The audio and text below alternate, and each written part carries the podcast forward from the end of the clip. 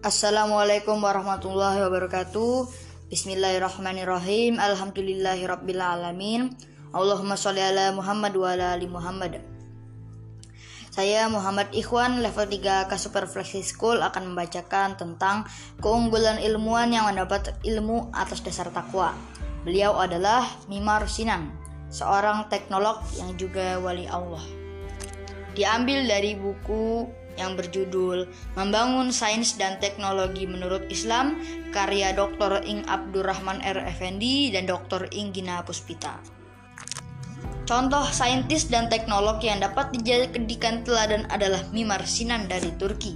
Beliau adalah juga seorang wali Beliau dilahirkan di Anatolia pada tanggal 15 April 1489 dan meninggal dunia di Istanbul pada 17 Juli 1588 dalam usia 99 tahun.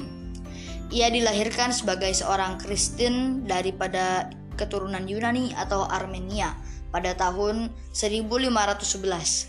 Beliau masuk Islam dan belajar di sekolah di Istana Sultan di bawah bimbingan Ibrahim Pasha Di situlah dia diberi nama Islam, Sinan.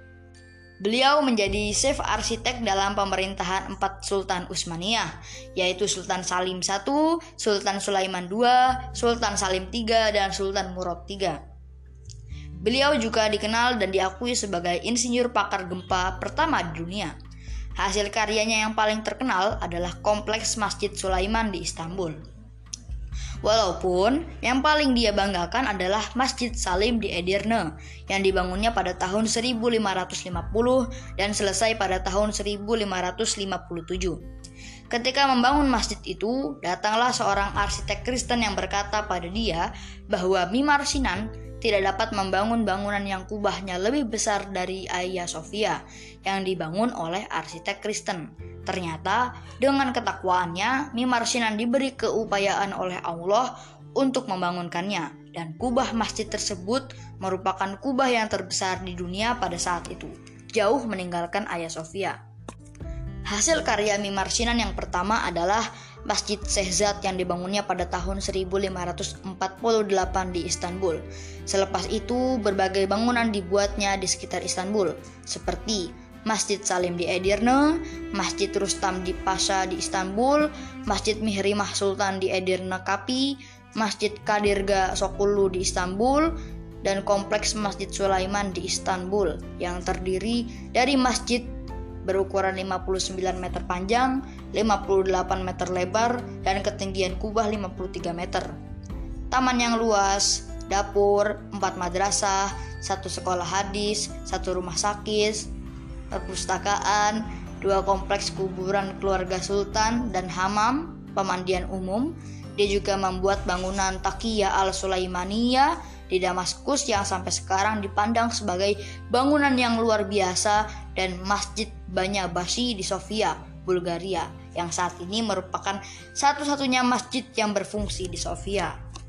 Di antara bangunan-bangunan yang dibuat oleh Mimar Sinan adalah 94 Great Mosque, 57 University, 52 Smaller Mosque, 41 Bed Houses, 35 palaces, 22 mausoleums, 20 caravansary, 17 public kitchen, 8 bridges, 8 storehouses, 7 schools, 6 aqueduct, dan 3 hospitals.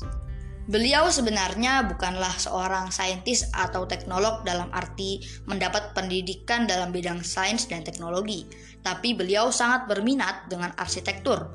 Berbagai bangunan dan masjid yang dibangunnya lebih dari 450 tahun yang lalu sangat menunjukkan betapa hebatnya kuasa Tuhan yang dapat memberikan ilmu-ilmu yang luar biasa pada orang-orang yang kuat hubungannya dengan Tuhan. Mimar Sinan telah membangun sekitar 350 bangunan dan masjid yang canggih-canggih dan indah. Di saat gempa bumi hebat di Turki pada tahun 2000, puluhan ribu orang mati, ratusan bangunan modern runtuh. Tapi, bangunan-bangunan dan masjid-masjid karya Mimar Sinan masih tetap tegar berdiri. Orang-orang yang berada di dalamnya selamat. Selain itu, orang yang berada di dalam bangunan-bangunan itu ketika musim panas tidak merasa terlalu panas, dan ketika musim dingin tidak merasa terlalu dingin. Sistem sirkulasi udaranya begitu optimal. Orang-orang yang berbicara di mihrab atau podium dapat didengar oleh semua yang berada dalam bangunan itu, walaupun dia berkata dengan perlahan dan tidak menggunakan mikrofon. Ternyata, dalam pembangunan bangunan-bangunan dan masjid-masjid tersebut, Tuhan ilhamkan kepada dia berbagai aplikasi teknologi, seperti teknologi anti gempa, civil engineering, aerothermodynamics, aerothermoacoustic, chemical engineering, dan lain-lain, di mana formula dan rumusan matematiknya sendiri baru dapat ditemukan oleh para saintis barat pada akhir abad 19 atau abad 20. Tetapi kita sedih bila melihat orang Islam memuja dan mengagumi saintis barat padahal mereka hanya menemukan formula dan rumusan matematiknya saja, dan belum ada saintis barat yang dapat membuat bangunan dengan arsitektur seperti yang telah dibuat oleh Mimar Sinan. Itulah kisah tentang Mimar Sinan. Semoga bermanfaat. Sekian terima kasih. Wassalamualaikum warahmatullahi wabarakatuh.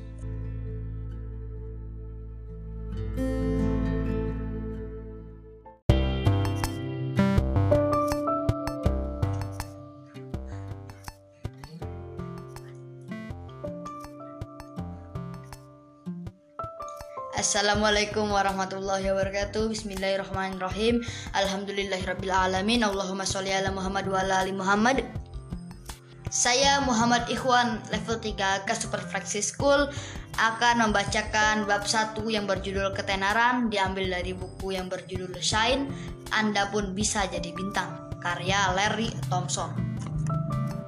Anda tidak perlu bermain film untuk menjadi seorang bintang di setiap kota, kota kecil, sekolah, kantor, atau bahkan keluarga, selalu ada seseorang yang dianggap luar biasa oleh semua orang, seorang bintang. Selalu ada seseorang yang menjadi si paling tenar atau si paling cantik, pusat perhatian, pemandu sorak, ketua kelas, ketua persatuan orang tua murid dan guru, bibi favorit, kesayangan guru, atau favorit bos. Anda tahu siapa mereka, Kakak laki-laki Anda mungkin adalah si anak emas, yang dalam keluarga Anda dianggap sebagai orang yang tidak pernah berbuat salah. Walaupun ia menghancurkan mobil baru, orang tua Anda hanya akan mengatakan, agresif sekali dia. Namun bila Anda membuat satu kesalahan saja, Anda akan dibuang ke Siberia. Apa yang menjadikan seseorang begitu istimewa? Selama 30 tahun, saya telah membimbing karir lebih dari 200 bintang Hollywood saya telah mempelajari perilaku mereka dan membahas impian, ketakutan, serta strategi kesuksesan mereka. Saya tahu apa yang membuat mereka berbeda dan sukses. Saya pun memahami jalan pikiran mereka. Saya dapat mengajari Anda berpikir seperti mereka. Metode penciptaan bintang mereka akan berhasil pada Anda. Karena memiliki banyak klien yang sukses, saya sering ditanyai, apa yang menjadikan seseorang bintang? Apa yang membuat mereka istimewa? Bagaimana saya bisa hebat dalam apa yang saya lakukan, seperti halnya Julia Roberts atau Leonardo DiCaprio begitu sukses dalam karir mereka. Meskipun ada ratusan peniru Elvis yang frustasi di seluruh dunia, Anda tidak bisa menjadi orang lain. Namun, Anda bisa menjadi Anda dalam bentuk terbaik yang bisa Anda capai. Saya tahu saat membalik-balik halaman majalah, mudah sekali untuk berharap, "Oh, lihat perempuan cantik ini, Lihat laki-laki tampan ini. Seandainya saya memiliki wajah seperti ini, seandainya saya memiliki wajah seperti itu, seandainya saya terlihat seperti ini, seandainya saya terlihat seperti itu. Berhati-hatilah. Tidak ada salahnya terpengaruh oleh orang lain dan mungkin menganalisis siapa mereka bagaimana mereka bisa berada di sana dan meniru beberapa hal dari mereka. Namun Anda tidak ingin menjadi atau tidak bisa menjadi selain diri Anda sendiri yang menjadikan Anda bintang. Bukanlah kemampuan Anda meniru orang lain, melainkan pengembangan keunikan diri Anda sendiri. Oleh karena itu, Menjadi peniru terbaik dari seseorang yang Anda kagumi bisa berujung pada sesuatu yang sama sekali bukan diri Anda sendiri. Jadi, berkonsentrasilah pada siapa Anda, bagaimana menjadi yang terbaik dari Anda, serta bagaimana menjadi 100% Anda. Anda dapat menemukan kepuasan dengan menggunakan berbagai teknik dalam buku ini untuk mengenali siapa Anda sebenarnya dan keunikan serta hal positif apa yang Anda miliki. Setelah itu, saya akan membantu Anda mencari jalan untuk mengembangkan anugerah itu. Itulah rahasia perjalanan kehidupan setiap bintang. Mereka mengetahui siapa diri mereka, apa yang mereka inginkan, dan selanjutnya mengembangkan serta menjual anugerah mereka itu dalam bentuk seseorang yang istimewa. Anda juga perlu mengenali dan membuang setiap pemikiran negatif atau perilaku melemahkan diri yang pernah menghambat Anda. Para aktor telah berlatih untuk menggunakan pengalaman hidup baik dan buruk sebagai sumber pendukung kinerja mereka. Dalam buku ini, Anda akan belajar melakukan hal yang sama apa pun bidang atau profesi Anda, saya akan mengajari Anda mengubah pengalaman masa lalu menjadi suatu kekuatan positif serta membuang segala perilaku dan pola pikir masa lalu yang mungkin telah menghalangi Anda mencapai tujuan serta impian Anda. Para bintang yang pernah bekerja bersama saya dan hampir semua nama besar di Hollywood pada umumnya mempunyai tingkat kesadaran diri yang tinggi Kesadaran diri itu sering kali menjadi penyerapan diri. Kesadaran diri sangat penting bagi profesi, peran, dan saya kira bagi kesuksesan dalam segala bidang. Kesadaran diri tidak sama dengan egomania, meskipun egomania memang banyak terdapat di Hollywood. Memiliki kesadaran diri berarti menjadi waspada, bukan hanya pada suasana hati serta emosi pribadi, melainkan juga pemikiran serta tindakan yang menyertainya. Setiap kali seseorang yang memiliki kesadaran diri merasa frustasi, bimbang, dan tidak memiliki kemampuan, ia akan mencari akar perasaan itu dengan mendengarkan suara hatinya. Hal itu akan membuahkan pemahaman diri yang lebih besar dan diharapkan penguasaan diri serta pengendalian hidup yang lebih mendalam. Tidak semua orang yang memiliki kesadaran diri sekaligus juga memiliki penguasaan diri. Namun begitu Anda mengetahui sumber perasaan itu, sering kali Anda dapat belajar mengendalikan reaksi atasnya.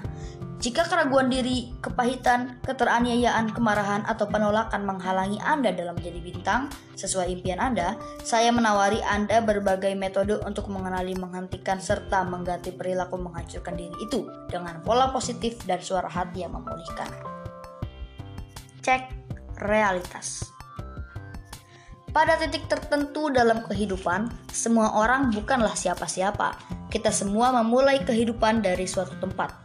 Tidak seorang pun terlahir sebagai bintang. Bahkan mereka yang sejak lahir sepertinya telah menjadi bintang, tidak dilahirkan dalam limusin, Sebagian besar di antara mereka pernah merasakan kesulitan dalam membayar cicilan mobil. Mereka sempat mengumpulkan kupon makan, mereka juga mencari-cari uang di bawah bantal untuk membayar cucian, sama seperti orang lain. Jika Anda sulit mempercayainya, lihatlah pekerjaan yang mengawali karir pada para bintang dan selebriti besar berikut. Contohnya Bill Murray, awalnya adalah seorang penjual kacang. Mariah Carey dulunya seorang pemeriksa topi.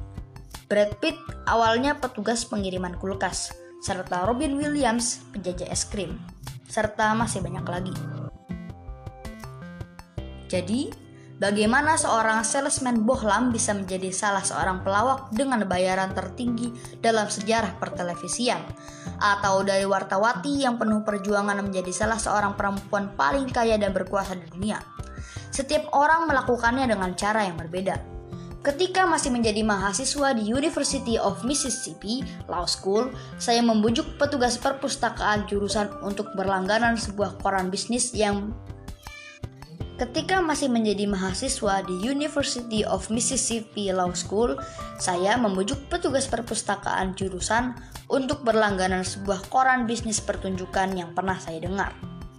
Weekly Variety. Tentu saja, saya adalah satu-satunya pembaca koran itu di Mississippi.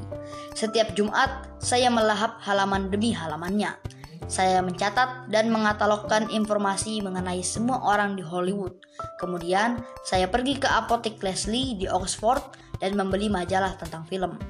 Saya menggunting gambar orang-orang yang sedang saya pelajari, lalu menempelkannya pada kartu katalog mereka. Selama dua tahun, saya mempelajari sendiri masalah kota, bisnis, serta orang-orang di dalamnya. Saya lulus kuliah dan diwisuda pada tanggal 20 Agustus 1968 di bar di Jackson yang menyajikan kopi dan donat. Kemudian, saya mendapat tawaran kerja sebagai juru tulis di pengadilan tinggi Mississippi yang saya tolak. Ayah saya memberi hadiah uang sebesar 700 dolar. Saya mengemas kotak katalog, menggantung pakaian saya pada rak di kursi belakang Oldsmobile hitam berinterior merah marun dan berangkat ke Hollywood ketika meninggalkan rumah untuk tinggal di California pada usia 24 tahun. Saya bukan saya belum pernah ke California, melainkan juga belum pernah bertemu orang yang pernah ke California. Saya menyetir selama tiga hari menuju Hollywood melalui jalan tol ke Sunset Boulevard. Akhirnya saya sampai di sudut Hollywood dan Vine. Satu-satunya nama jalan yang pernah saya dengar. Saat itu pukul 10 malam dan turun hujan. Saya keluar dari mobil, berdiri di bawah hujan, melihat berkeliling dan berteriak, berteriak, dan berteriak.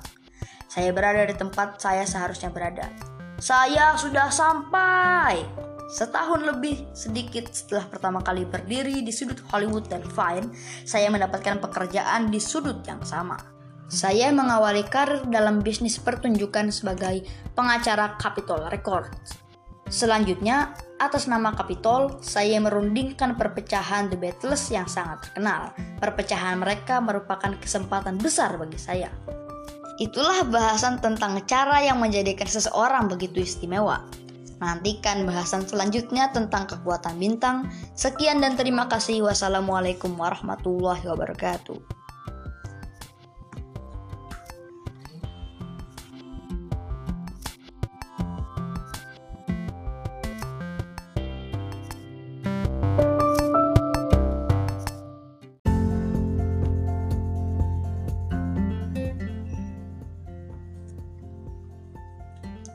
Assalamualaikum warahmatullahi wabarakatuh. Bismillahirrahmanirrahim. Alhamdulillahirrabbilalamin Allahumma sholli ala Sayyidina Muhammad wa ala ali Sayyidina Muhammad. Saya Muhammad Ikhwan level 3 ke Super Flexi School akan membacakan bab 1 yang berjudul Kekuatan Bintang. Diambil dari buku yang berjudul Shine Anda pun bisa jadi bintang. Karya Larry Thompson. Kekuatan Bintang. Percayalah, Terdapat kesamaan antara sebagian besar bintang Hollywood dan bintang lain dalam hidup keseharian. Mereka memiliki suatu kualitas khusus yang begitu kuat. Kita sebut saja kualitas khusus itu sebagai karisma, magnet, atau cukup itu saja. Para pemenang dalam segala bidang kehidupan menunjukkan kekuatan dan keyakinan diri yang sama. Entah ia adalah tukang kayu terbaik pada suatu proyek bangunan atau pegawai kantor tempat orang-orang mengadu ketika menghadapi masalah di luar batas kemampuan mereka. Lalu dari mana datangnya kekuatan atau rasa percaya diri itu? Apa sumbernya? Meskipun sejumlah orang, terutama mereka yang meraih kesuksesan di Hollywood, diberkati keindahan fisik alami yang mengundang tatapan mata orang, penampilan hanyalah salah satu aspek dalam kepercayaan diri. Billy Bob Thornton adalah salah satu bintang terbesar dalam bisnis saat ini, meskipun ia tidak masuk dalam kategori tampan sesuai kriteria penilaian klasik Hollywood. Rennie Zellweger yang selalu bersyukur adalah seorang artis laris meskipun wajahnya seperti juga namanya tidak Hollywood. Saya yakin Anda mengenal banyak orang yang begitu percaya diri serta berkarisma meskipun penampilan fisik mereka tidak terlalu menarik. Keyakinan diri mereka itu pada umumnya berasal dari kenyamanan terhadap diri mereka sendiri serta keyakinan akan kemampuan mereka.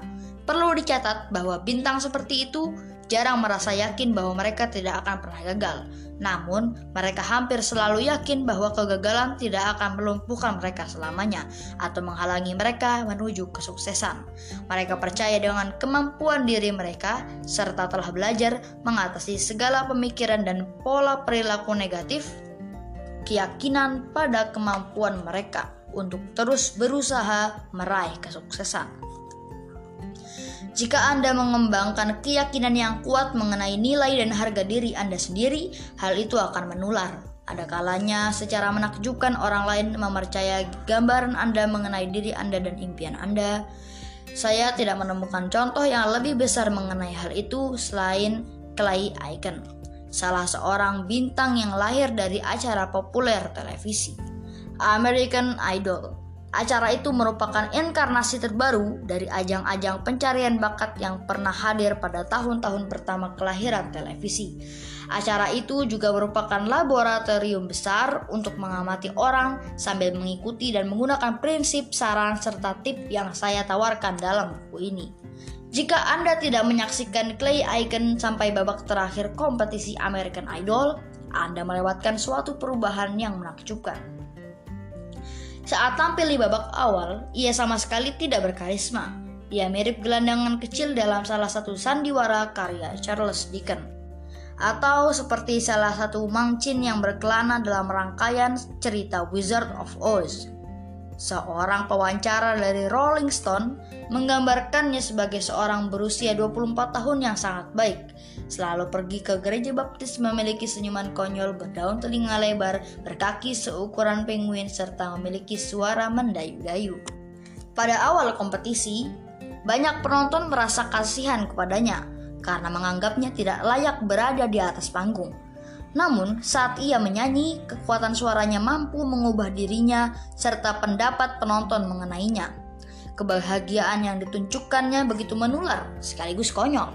Clay Icon yang memiliki masa kanak-kanak sulit serta harus melakukan perjuangan berat untuk mendapatkan tempat layak di dunia ini. Tidak pernah berhenti percaya bahwa ia adalah seorang penyanyi. Saya kira itulah yang membawanya masuk babak final Meskipun akhirnya dalam kompetisi itu ia kalah dari Ruben Studdard yang berbakat dan sangat disukai. Clay adalah seorang yang sangat berbudi dan mampu menjadikan dirinya bintang dengan jutaan pengagum yang selalu mengharapkan kesuksesan baginya. Percayalah, Icon memiliki anugerah yang sangat bisa dijual. Suara merdunya mengantarkannya pada kesuksesan yang sangat besar. Kita semua memiliki anugerah, keterampilan, serta sifat unik yang bisa dikembangkan untuk mencapai kesuksesan pada tingkat tertentu. Anda mungkin memang tidak menjadi penyanyi yang terkenal di seluruh dunia, tetapi Anda bisa menjadi bintang di sekolah, di lingkungan kerja, atau dalam organisasi. Yang penting untuk Anda lakukan adalah mengembangkan anugerah unik Anda serta menemukan kepuasan dalam memanfaatkannya untuk tujuan yang berguna. Kebudayaan kita berfokus kepada mereka yang menunjukkan bakat atau kecantikan dengan definisi yang sangat sempit. Namun, percayalah, selagi kalangan atas begitu hebat dalam industri gemerlap seperti hiburan dan mode, kalangan bawah pun bisa begitu mengagumkan. Sulit mendapatkan kedamaian dan kepuasan jika satu-satunya ukuran kesuksesan dalam bisnis Anda adalah ada tidaknya jutaan orang yang dengan senang hati mengeluarkan uang untuk menyaksikan penampilan Anda. Meskipun orang-orang cantik membuat orang lain iri, banyak di antara mereka yang sebenarnya merasa bahwa nilai serta bakat sejati mereka justru terabaikan. Saya yakin bahwa dalam kehidupan Anda pun terdapat berbagai tantangan, saya percaya bahwa Anda dapat mengatasinya dengan mengembangkan anugerah Anda yang unik, belajar mengatasi kebiasaan berpikir negatif dan pola perilaku menghancurkan diri, serta mengembangkan indera keenam terhadap kesempatan. Itulah bahasan tentang cara yang menjadikan seseorang begitu istimewa. Nantikan bahasan selanjutnya tentang kualitas bintang. Sekian dan terima kasih. Wassalamualaikum warahmatullahi wabarakatuh.